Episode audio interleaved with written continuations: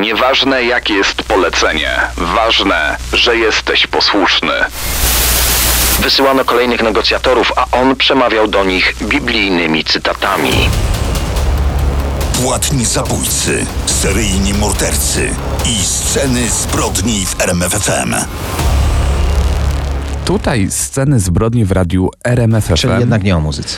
Trochę inne tematy, ale też się można w nich zasłuchać. Dzisiaj wracamy do takiego bardzo mocnego. Będziemy opowiadać o sektach. Tak, to zawsze wywołuje kontrowersje. Mówiliśmy już we wcześniejszych programach i podcastach o tych najniebezpieczniejszych sektach świata, o masowych samobójstwach, o praniu mózgu, przejmowaniu majątków, no i mordowaniu wyznawców, którzy ośmielali się podważyć słowo guru. Dziś powiemy o bractwie Dawidowym Davida Koresza. On zmienił wyznawców w grupę paramilitarną, gotową z bronią dotrwać do apokalipsy. Ale według relacji byłych członków sekty, Koreszowi chodziło przede wszystkim o spełnianie swoich chorych fantazji seksualnych. Zaraz opowiemy Wam o życiu na pewnej farmie w Teksasie. A później firma Nexiem, oferująca swoim klientom samorozwój, przynajmniej oficjalnie. Założyciel prężnego przedsiębiorstwa stworzył wewnątrz firmy niewolniczą sektę. Koniecznie zostańcie z RMFFM. Sceny zbrodni w RMFFM. No to zaczynajmy. Jest rok 1993. Na amerykańską farmę Mount Carmel Center przyjeżdża kilkudziesięciu funkcjonariuszy ATF. To jest agencja federalna badająca przestępstwa związane z alkoholem, tytoniem, bronią i materiałami wybuchowymi.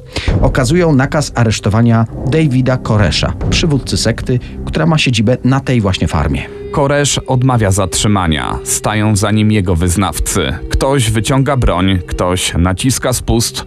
Dochodzi do chaotycznej strzelaniny. Policjanci wycofują się z farmy, ale wzywają posiłki.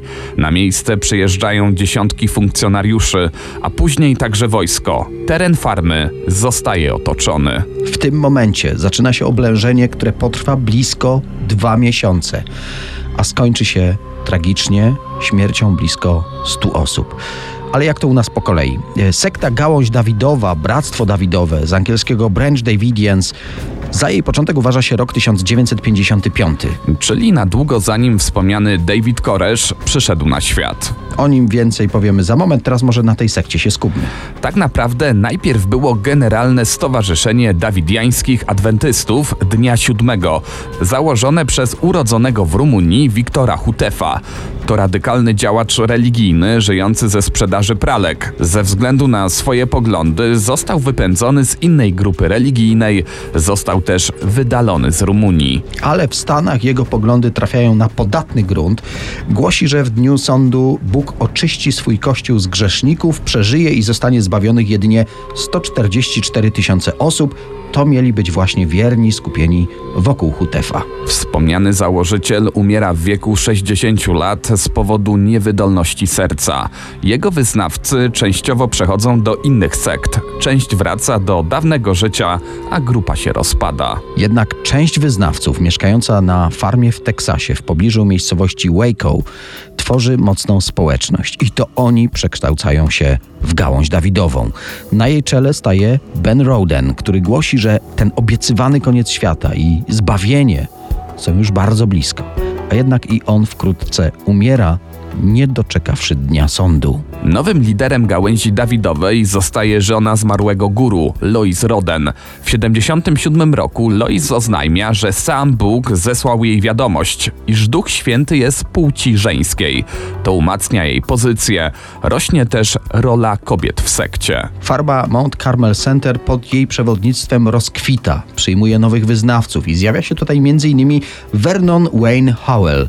To właśnie on przyjmie później imiona David Koresz. Przyszedł na świat 17 sierpnia 59 roku w Houston w Teksasie. Jego mama była wtedy właściwie dziewczynką, miała tylko 14 lat. Jego tato zdążył stworzyć nowy związek, gdy jego była dziewczyna nosiła ciążę. Właśnie planował ślub z nową narzeczoną. Mały Vernon więc taty nigdy nie poznał, a zamiast do mamy no, trafił pod opiekę babci. Był przeciętnym dzieckiem, choć słabo radził sobie w szkole. Spotkałem się z opinią, że mógł mieć niezdiagnozowaną dysleksję. Ale nie chodzi jedynie o oceny, o naukę. Mówiąc wprost, w szkole koledzy go nie lubili i zdaje się z wzajemnością. Edukację zakończył po ośmiu klasach. Uznał, że szkoła nie pomoże mu w jego karierze. Chciał zostać muzykiem rockowym i rzeczywiście w wieku 19 lat wyjechał do Los Angeles, by tę karierę zacząć. Przez dwa lata próbował zdobyć kontrakt płytowy, ale żaden z wydawców i właścicieli wytwórni muzycznych jednak nie dał mu takiej szansy. Wraca do Teksasu, wstępuje do kościoła adwentystów dnia siódmego, w którym działała jego matka. Te surowe reguły są tym, czego właśnie potrzebuje na tym etapie życia.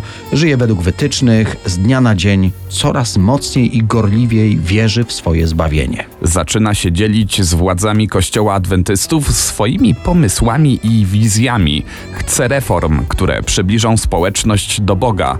Zamiast tego zostaje wyrzucony ze wspólnoty. Inna wersja mówi, że wcale nie chodziło o te reformy, nie przez to został wyrzucony, a dlatego, że nagabywał dziewczyny.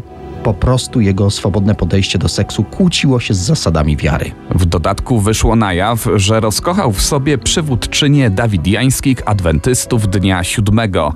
Ze znacznie starszą od siebie wdową Lois Roden odbył pielgrzymkę do Izraela. Tam doznał objawień. Chciał głosić Słowo Boże całemu światu. Później z ukochaną guru i innymi wyznawcami osiadł na farmie w Waco.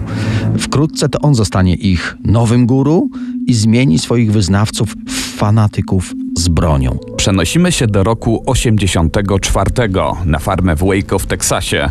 Tu rezyduje Bractwo Dawidowe, zwane też Gałęzią Dawidową. Vernon Wayne Howell zostaje jednym z najgorliwszych członków. W tej sekcie zostanie, jak się okaże, już do końca życia. Ma 25 lat i na farmie Mount Carmel pogłębia się jego miłość do Boga, ale także zakochuje się z wzajemnością. A o którym związku mówisz? A no tak, słuszne pytanie. E, Najpierw ten młody chłopak rozkochuje w sobie dużo starszą Lois Roden, o czym wspomnieliśmy, ale w 84 roku żeni się z córką innego z przywódców tej sekty, z Rachel Jones. Rachela ma zaledwie 14 lat. W kolejnych latach przychodzi na świat dwójka ich dzieci. I tu wtrącę, że to są jedyne ich wspólne dzieci. Trochę uprzedzając fakty, e, Vernon poza małżeństwem doczekał się jeszcze co najmniej jednego oficjalnego dziecka, ale mówi się, że w sumie mógł mieć nawet 14 dzieci. To tak jakby ktoś zastanawiał się, co się robiło z czasem wolnym na tej farmie. Dodajmy, że dwa lata po ślubie z czternastolatką wziął sobie drugą żonę, tym razem trzynastoletnią Karen Doyle. I cały czas jest też u jego boku guru sekty, Lois. Jednak kobieta jest już w podeszłym wieku i umiera, a Vernon bierze sobie trzecią żonę, jeszcze młodszą. Właśnie, po śmierci przywódczyni sekta Góry Karmel dzieli się na dwie frakcje. Na czele jednej z nich staje George, syn zmarłej guru, ale część członków staje po stronie Vernona. Tak, robi w sekcie oszałamiającą karierę. Trochę dzięki swoim krasomówczym talentom i odważnym tezom. Pięknie cytuje Pismo Święte i doskonale je interpretuje. Tym zjednał sobie garstkę zwolenników, z nimi opuszcza farmę. Przenoszą się do miejscowości Palestine, 160 km od Waco. Przez rok e, w Vernonie Howellu narasta poczucie, że nie może oddać sekty synowi swojej kochanki. Zaczyna zbroić swoich wyznawców. Po roku na wygnaniu, po roku ćwiczeń, postanawia odbić farmę Mount Carmel Center. Jedzie tam z wyszkolonymi siedmioma towarzyszami i dziewięcioma pistoletami. Szturmują ośrodek Góry Karmel. Postrzelony zostaje główny rywal Vernona, George Roden. Wkrótce umiera, a napastnicy trafiają do aresztu.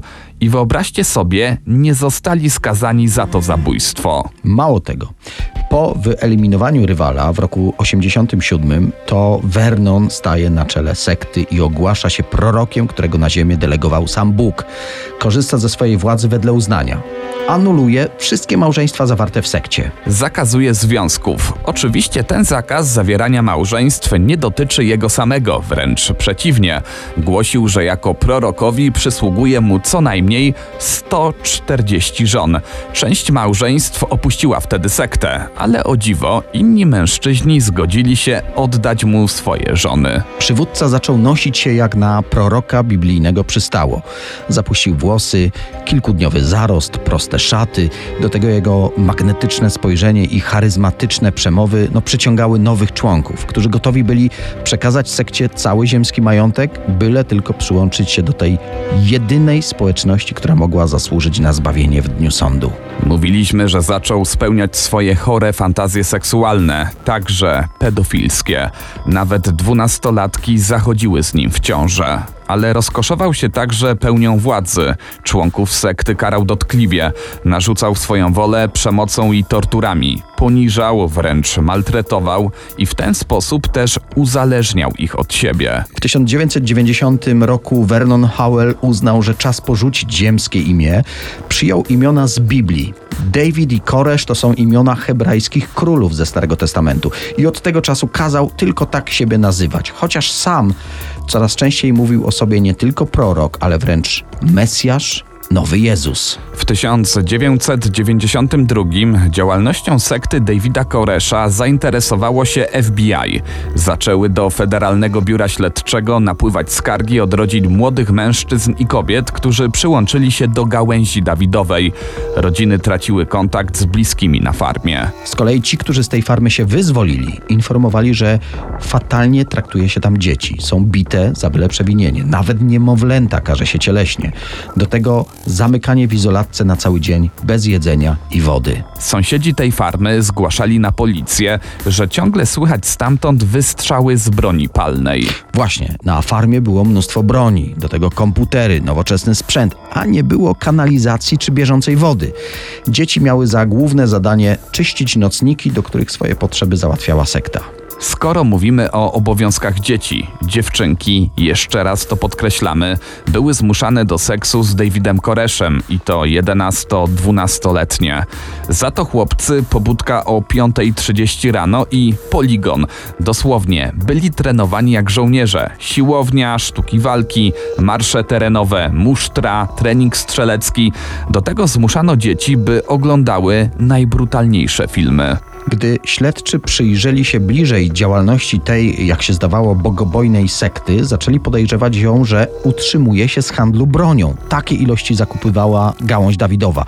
I to przede wszystkim zdecydowało, by aresztować i przesłuchać Davida Koresza. Jest 28 lutego 1993 roku.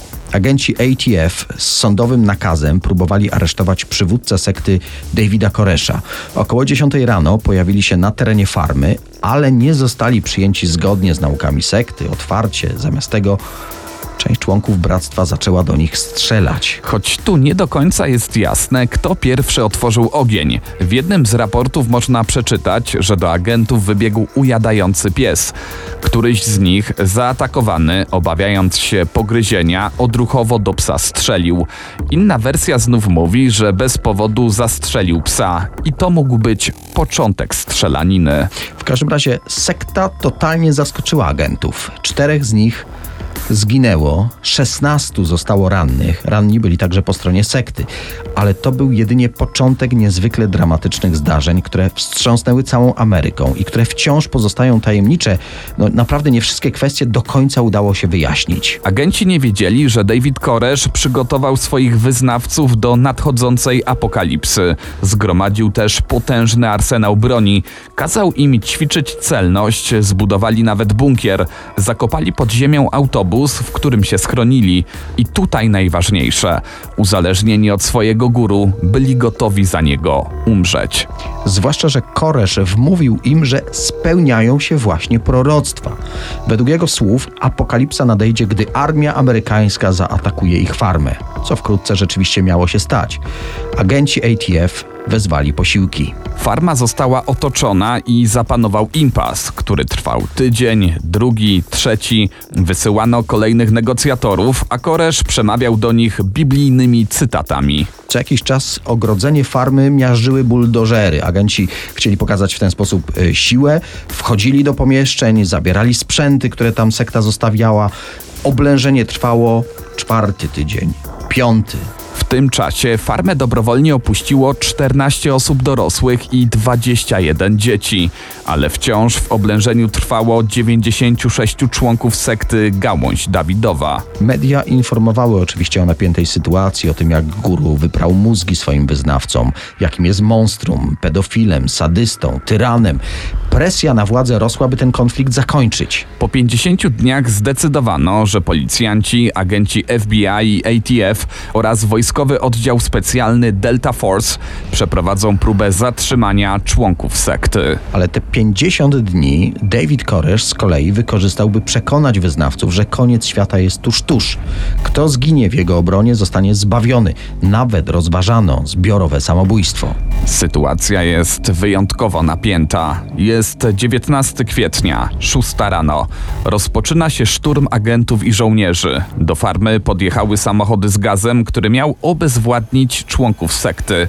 Oni odpowiedzieli ogniem. Ruszyły wozy pancerne, rozbijając ściany budynków, ale obrońcy farmy wciąż strzelali.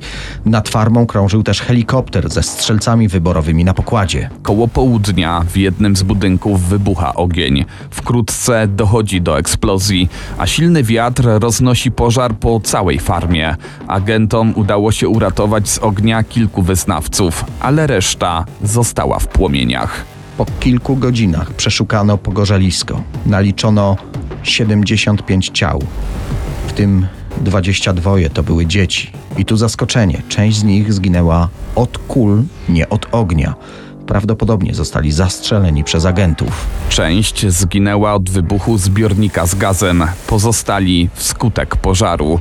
Nie do końca wiadomo, czy tego ognia nie zapruszyli specjalnie funkcjonariusze.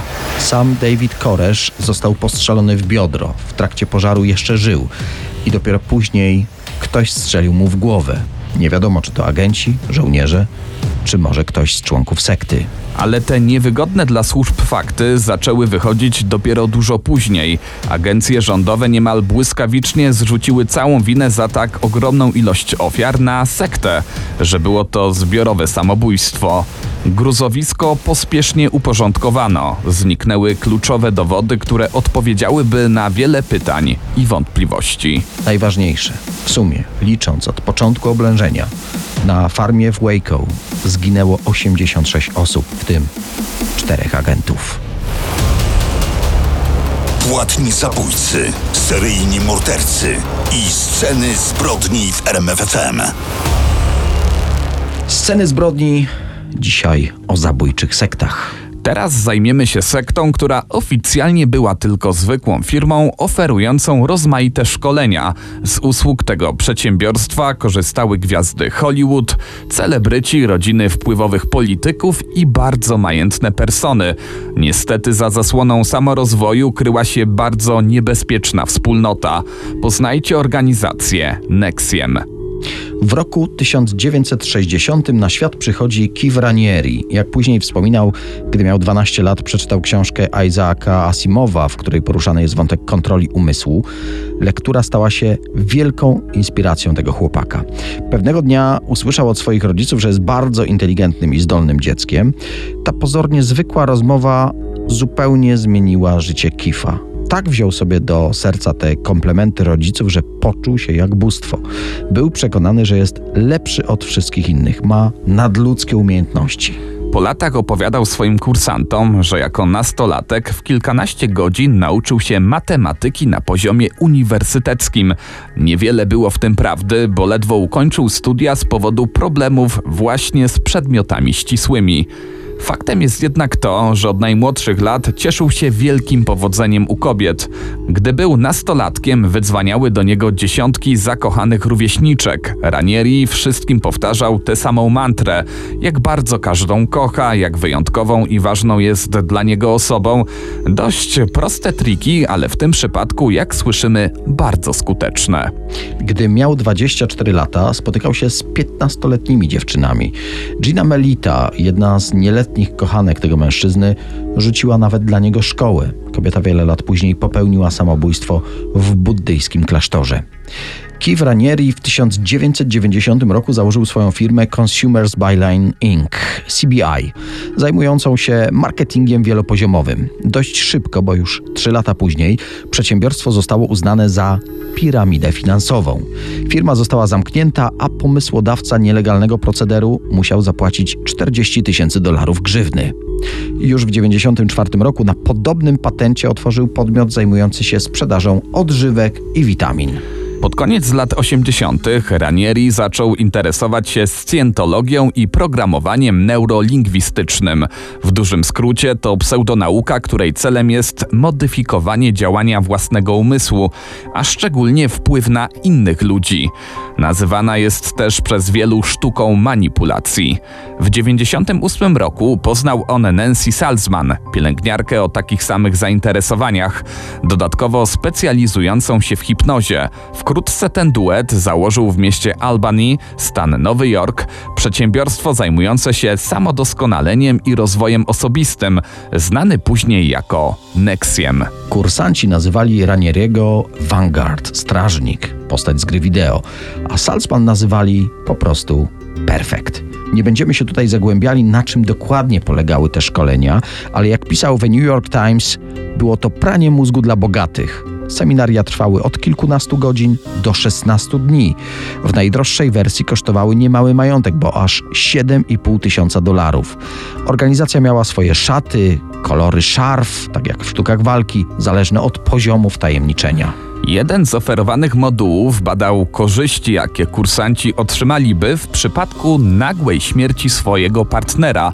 Inny o nazwie Dracula i jego gule omawiał psychopatów i ich wielbicieli. Nexiem było zamieszane w wiele przekrętów finansowych. W organizacji dochodziło do nadużyć, a kult jednostki Kifaranieri był coraz większy ale dotychczasowa historia to tylko niewinna przygrywka. Wewnątrz tej organizacji powstała sekta rodem z najgorszych horrorów. W 2015 roku wewnątrz tej organizacji uruchomiono tajne stowarzyszenie Dominus Obsequius Sororium, w skrócie DOS. Wymyślona łacińska sentencja, którą można przetłumaczyć jako mistrz posłusznych kobiet. Z definicji grupa była skierowana tylko dla kobiet, które szukały wsparcia. Ten obóz dla twardzielek miał pomóc wyeliminować wszelkie ludzkie słabości. Na czele wspólnoty stał oczywiście Kiwranieri, otoczony ośmioma damami. One były niewolnicami swojego guru i przysięgały mu całkowite posłuszeństwo.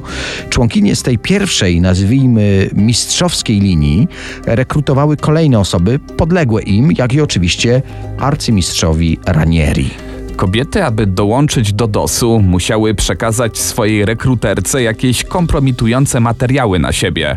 Nagie zdjęcia, zapisane własnoręcznie niewygodne fakty z przeszłości. Informacje te miały zostać opublikowane, gdy któraś ze członkiń zdemaskuje grupę. Podpisywały również specjalne umowy, na mocy których zostanie im odebrany majątek, gdy odejdą ze wspólnoty. Był to oczywiście rodzaj przemyślanego szantażu ze strony Ranieri, aby trzymać całą organizację w garści. W następnym etapie wybrane kobiety musiały położyć się nago na stole do masażu, z zawiązaną opaską na oczach. Nieświadoma ochotniczka składała śluby posłuszeństwa i wypowiadała takie słowa: Mistrzu, proszę mnie napiętnować, to byłby zaszczyt. Później lekarz w strukturach Nexiem wypalał członkiniom DOS-u na skórze pod biodrem kilkucentymetrowy symbol – był on niczym innym jak inicjałami Kifaranieri. Bolesny rytuał trwał około 30 minut, dodatkowo wszystko to filmowano i to wideo było kolejnym zabezpieczeniem dla grupy. Ta piramida niewolników miała cztery poziomy, a do sekty należało około 150 osób. Jedna z najważniejszych maksym brzmiała następująco: Najlepszy niewolnik czerpie najwyższą przyjemność z bycia ostatecznym narzędziem swojego pana. Kolejna maksyma: Nieważne jakie jest polecenie, ważne, że jesteś posłuszny. Nie ma znaczenia, czy rozumiesz polecenie, ważne, że jesteś posłuszny. W razie niewypełnienia rozkazów stosowano kary cielesne, biczowanie, chodzenie boso po śniegu. Niewolnice wykonywały obowiązki osób będących wyżej w hierarchii. Przeprowadzano tak zwane ćwiczenia z gotowości. To było nic innego jak spełnianie każdego polecenia swojego pana, zarówno w ciągu dnia, jak i w nocy. Wiele z członkiń tej chorej organizacji miało zaspokajać seksualnie fantazję Kifa Ranieri. Dlatego, aby dopasować się do jego ideału piękna, stosowały radykalne diety. Przestrzegały też obowiązkowego celibatu. W wyniku niedożywienia kobiety były ekstremalnie wychudzone i cierpiały na problemy zdrowotne. Osoby z Dominus Obsicius Sororium komunikowały się za pomocą szyfrowanych aplikacji. W ten sposób utrzymywano w tajemnicy skandaliczne działania sekty. Celem Kifa Ranieri było to, aby do DOSu należało kilka tysięcy osób, w tym jakiś wpływowy polityk. Dzięki kompromitującym materiałom narządzących wspólnota mogłaby jeszcze prężniej działać. Jednak informacje o brutalnych metodach w tej tajemniczej organizacji zaczęły powoli wypływać poza krąg Nexiem. W październiku 2017 roku The New York Times opublikował artykuł opisujący niewolnictwo w sekcie Kifa Ranieri. Sprawą zajęła się Policja Federalna. Po publikacji wspomnianego artykułu w The New York Times, guru organizacji wraz z najbliższymi współpracownikami uciekł do Meksyku. Nie nacieszył się jednak długo wolnością. W marcu 2018 roku został aresztowany w potężnej willi na obrzeżach Puerto Vallarta i deportowany do USA. Litania zarzutów wobec Ranieri była bardzo długa. Od wykorzystywania seksualnego nieletnich, przez kradzieże tożsamości, po działania mające na celu handel ludźmi w celach seksualnych. Dodajmy, że gdy mężczyzna czekał na proces, jego zwolennicy tańczyli przed aresztem w Nowym Jorku. Pod koniec października 2020 roku założyciel sekty DOS został skazany na 120 lat więzienia. Dodatkowo ukarany grzywną w wysokości 3,5 miliona dolarów. Ta kwota miała m.in. pokryć koszty usunięcia symboli wypalanych członkiniom sekty. Szacuje się, że od końca lat 90. przez kursy Nexiem przewinęło się około 16 tysięcy osób, w tym m.in. syn byłego prezydenta Meksyku, była chirurg generalna USA, członek zarządu amerykańskiego kolosa energetycznego, czy Linda Evans, popularna aktorka z serialu Dynastia. Najważniejszymi nabytkami byli jednak członkowie wpływowej rodziny Bronfman, którzy są spadkobiercami wielomiliardowej fortuny kanadyjskiego producenta alkoholu. Bardzo wysoko w strukturach organizacji znajdowała się m.in. Alison Mack, znana z serialu Tajemnice Smallville. Pozostali członkowie zarządu Nexiem przyznali się do winy. Są już na wolności albo wyjdą z więzienia do 2025 roku. Majątek organizacji przejął rząd federalny. Spekulowano również, że Kiv Ranieri mógł być zaangażowany w tajemnicze zgony kilku członków wspólnoty. Podczas jednego nagrania mężczyzna przyznał, że zabijał ludzi z powodu swoich przekonań. Tych przestępstw mu jednak nie udowodniono. To jeszcze jedno. Do organizacji należał dr Brandon Porter, którego prawo do wykonywania zawodu zostało zawieszone w 2019 roku. W swoich eksperymentach medycznych wykorzystywał metody głoszone przez Porter miał szukać nowego sposobu leczenia zespołu Tureta. Metoda ta oczywiście nie była zatwierdzona przez środowiska naukowe. Przynosiła również odwrotne skutki. Zacytujmy opinię jednego uczestnika tej pseudoterapii. To nie zrobiło dla mnie nic poza zrujnowaniem mojej samooceny, zrujnowaniem mojego zdrowia psychicznego i znienawidzeniem siebie. W innym eksperymencie Brandon Porter pokazywał brutalne filmy członkom sekty. Badał przy tym ich aktywność mózgową. Analizując mechanizmy różnych sekt, właściwie zawsze wyróżnia się kult jednostki szefa organizacji. Tak jest oczywiście i w tym przypadku. Guru Nexiem głosił o sobie, że płynnie wypowiadał się, gdy miał zaledwie rok, że był wybitnym lekkoatletą. Twierdził, że jest najbardziej inteligentnym człowiekiem na świecie, a jego energia intelektualna uruchamia radary. Oczywiście te wypowiedzi nie wytrzymały konfrontacji z faktami, jednak jak to w takich wypadkach bywa, dla wyznawców tego szarlatana nie miało to absolutnie żadnego znaczenia. Sceny zbrodni w RMFFM.